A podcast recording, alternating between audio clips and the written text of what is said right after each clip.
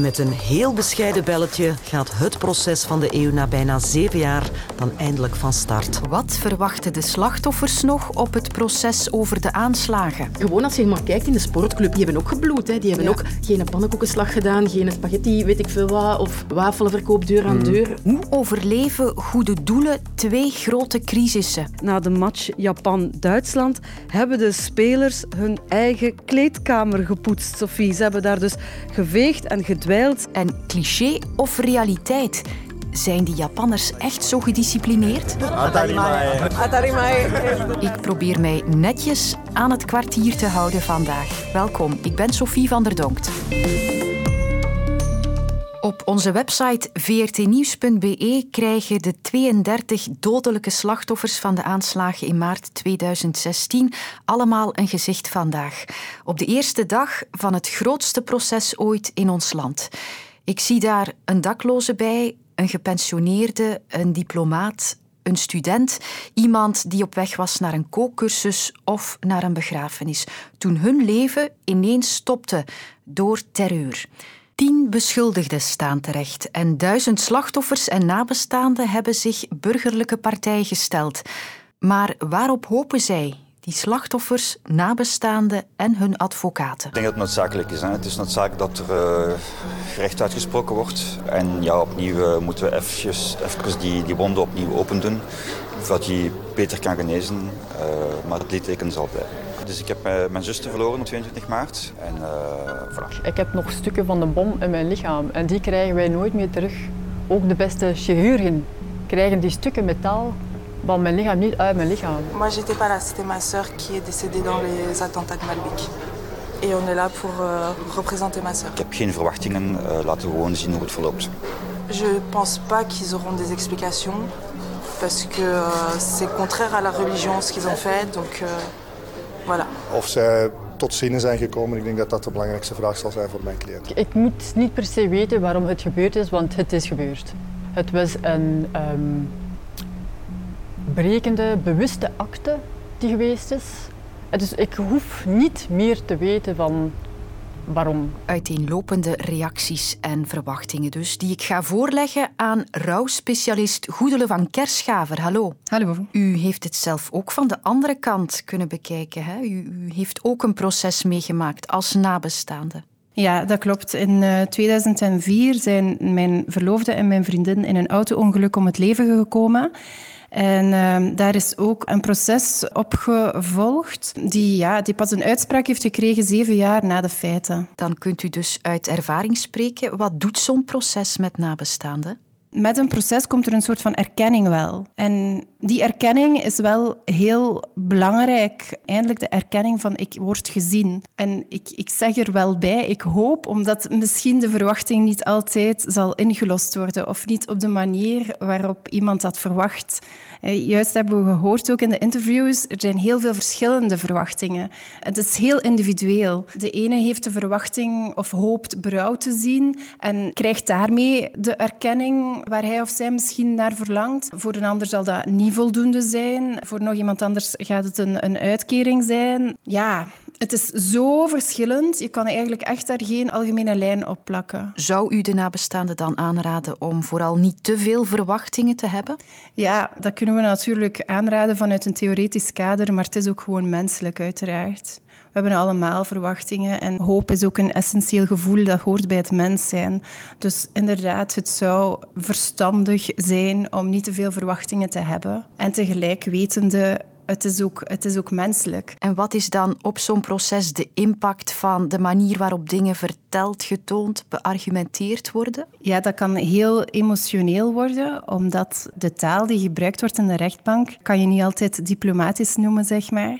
Het kan heel direct zijn, heel confronterend. De tegenpartij kan argumenten gebruiken waarvan jij weet en voelt dat het niet juist is, maar die ja, echt als een, eh, als een mes in je ziel snijden. Hè? Ja, daar, daar kan je echt van wakker liggen. Dat heb ik zelf ook gehad. Ik, ik heb daar echt van wakker gelegen van hoe, hoe durven ze zo te spreken. Natuurlijk, Als ik dat van afstand bekijk, hè, dan, dan zie je een juridisch proces en dan weet je wel rationeel, oké, dat is normaal dat er zo geargumenteerd en getegenargumenteerd wordt. Maar als jij zelf betrokken partij bent, dan zit je volop in de emotie. En dan, dan is dat heel moeilijk om dat uit te schakelen. Heeft u nog een afsluitend advies voor mensen die daar door moeten nu? Om jezelf heel goed af te vragen, heb ik dit nodig? Heb ik het nodig om hè, bijvoorbeeld het politieverslag hè, of de precieze verslagen van de momenten van de aanslagen in dit geval, heb ik dat nodig om dat allemaal in detail te weten. En het kan zijn dat je dat wel nodig hebt. Hè? En dat is ook helemaal oké. Dat is voor iedereen verschillend. Maar vraag jezelf goed af, gaat het mij helpen? Als je die vraag jezelf stelt en dan goed bij jezelf invoelt, niet vanuit je hoofd, hè, maar echt invoelt, wat is er kloppend voor mij, dan kan je de juiste beslissing nemen wat je daarmee doet. Dank u wel. Kom eens zeg. Het is zover. We hebben er genoeg kak aan hangen. Dat was nog eens een vintage radiomomentje van morgen. Je komt nu te weten wie de vier presentatoren van de warmste week zullen zijn.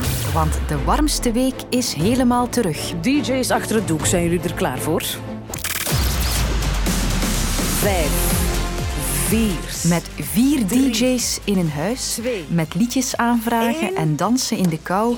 Ja, Het zijn voor alle duidelijkheid Fingermens, Kautar Elalouche, Eva de Roo en Sander Gillis. Proficiat met jullie benoeming. En met goede doelen natuurlijk. 270 projecten om precies te zijn gaan via de warmste week geld inzamelen rond het thema kansarmoede. En dat is wellicht een opluchting voor veel VZW's en verenigingen.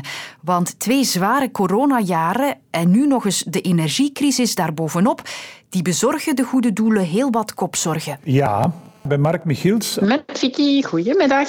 Bij Kom op tegen kanker en Villa Samson, een huisdierenproject bij het UZ Brussel, kunnen ze daarover meespreken. Corona was een crisis, ontwrichting van het maatschappelijk leven.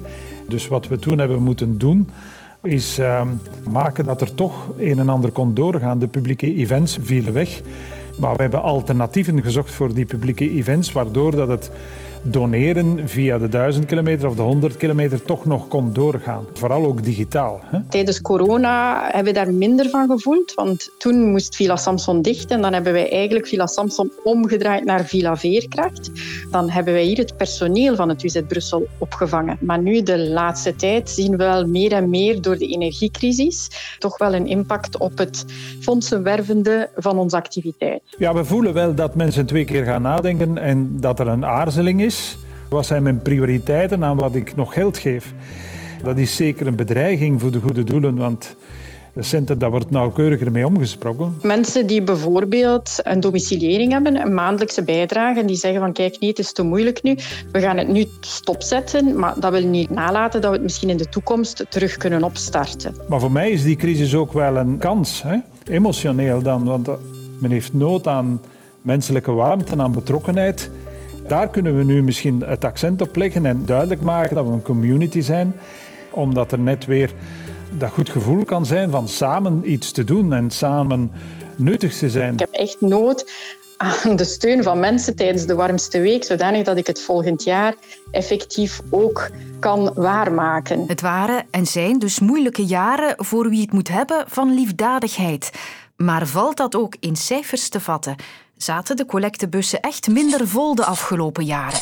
De Koning Boudewijn Stichting doet daar onderzoek naar en er is geen eenduidig antwoord. Dat vertelt Ludwig Forest mij, hoofd filantropie bij de stichting. Niet enkel de coronajaren, maar daarna zijn er nog de overstroming geweest, Oekraïne, de energiecrisis.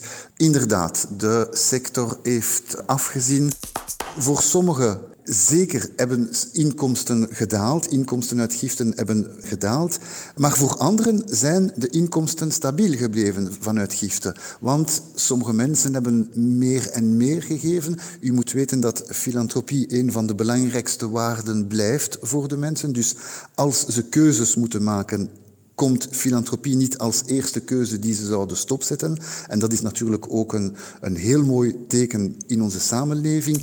De VZW's hebben kunnen blijven rekenen op de ondersteuningen van de overheid en dat heeft hen over de streep geholpen. Want anders was het echt heel, heel moeilijk geweest.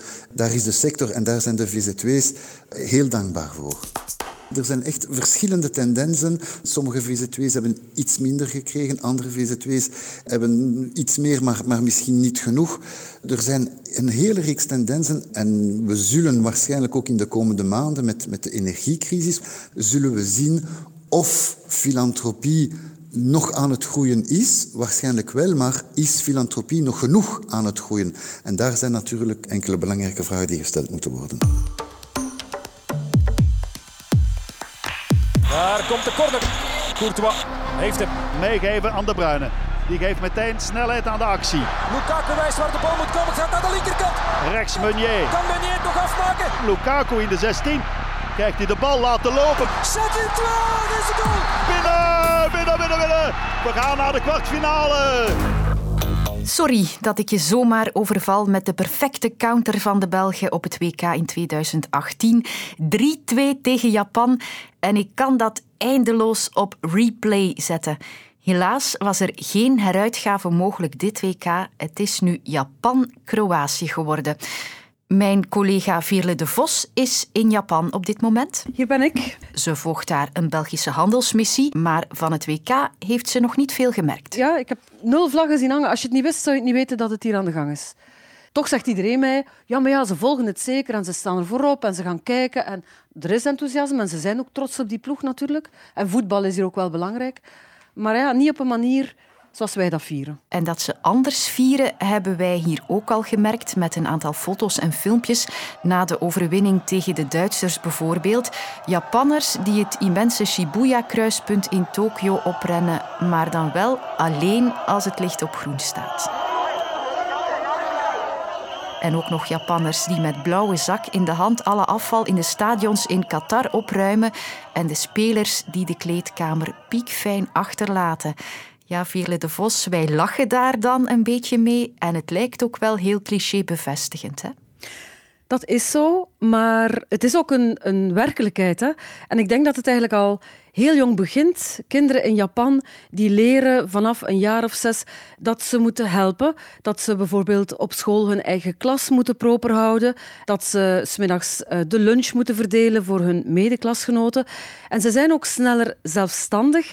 Eh, kinderen worden verwacht vanaf ja, zes jaar zelf naar school te gaan, zelf het, alleen het openbaar vervoer te nemen. Daar komt natuurlijk bij dat mensen dan ook wel uitkijken voor die kinderen, dat het verkeer minder chaotisch verloopt dan bij ons. Maar er wordt eigenlijk van Japanners verwacht dat ze vanaf heel jonge leeftijd ja, een eigen steentje bijdragen aan die maatschappij. En wat we dus op die WK-filmpjes en foto's zien, dat is dan geen lucky shot? Nee, absoluut niet. Het is, uh, ja, het is heel typerend voor ja, de Japanse maatschappij, zal ik maar zeggen. Nu, daar is ook een keerzijde aan natuurlijk. Er zijn in Japan heel erg veel zichtbare en onzichtbare regels. En mensen worden verwacht om daaraan te gehoorzamen. En dat leidt toch wel tot een zeker conformisme. En dat begint dan al met al die donkerblauwe uniformen van de kinderen. Vanaf de lagere school tot en met het middelbaar dragen jongens en meisjes allemaal diezelfde donkerblauwe uniformen. Dat gaat dan naadloos over in die donkerblauwe pakken die de bedienden allemaal dragen. En de, de metro en de treinen hier in Tokio, ja, die zitten daar vol mee. Nog altijd allemaal datzelfde uniform. Dat leidt misschien ook tot een gebrek aan flexibiliteit. Want regels zijn regels en er is dan toch wel angst dat als je die regels loslaat, dat je dan chaos krijgt. En mag het? Wordt het soms getolereerd om eh, minder strak in het gareel te lopen? Dat is heel moeilijk. Uh, ik heb nu het gevoel, als je hier mensen ziet zonder mondmasker, dan denk ik meteen dat zijn de rebellen. Er zijn Japanners die eruit steken. Je ziet Japanners met vreemd geverfd haar en je ziet meisjes met uh, oorringen en neusringen en, en bizarre kleren aan. Dat kan, maar het is moeilijker dan bij ons, denk ik. En ook van die mensen wordt verwacht dat ze uiteindelijk toch een aantal basisregels volgen. En dat is ja, dat je uitkijkt voor de anderen en dat je voor een stuk verantwoordelijkheid opneemt voor de rest van de groep. Dat eindeloze individualisme hè, van mijn vrijheid uh, is, is het, het allerbelangrijkste. Mhm. dat, uh, dat is toch minder. Dat is eigenlijk onbestaande in Japan. Kunnen we er toch iets van leren, Veerle? Wat is volgens jou het grootste voordeel van die Japanse discipline?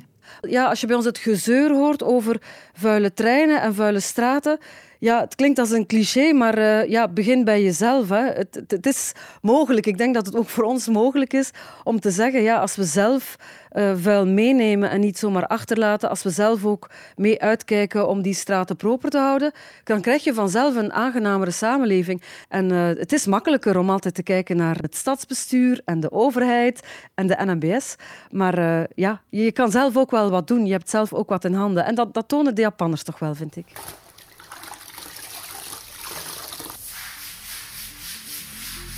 Ja. Laat mij dan maar beginnen met een clean desk. Tot morgen. Fotografe Noortje Palmers gaat met twee bekende gasten in gesprek over wat hen uniek maakt. Ontdek het verhaal van Jennifer Heijlen, Ben Segers of Anne Rijmen in de podcast Uniek. Nu in de app van VRT Max.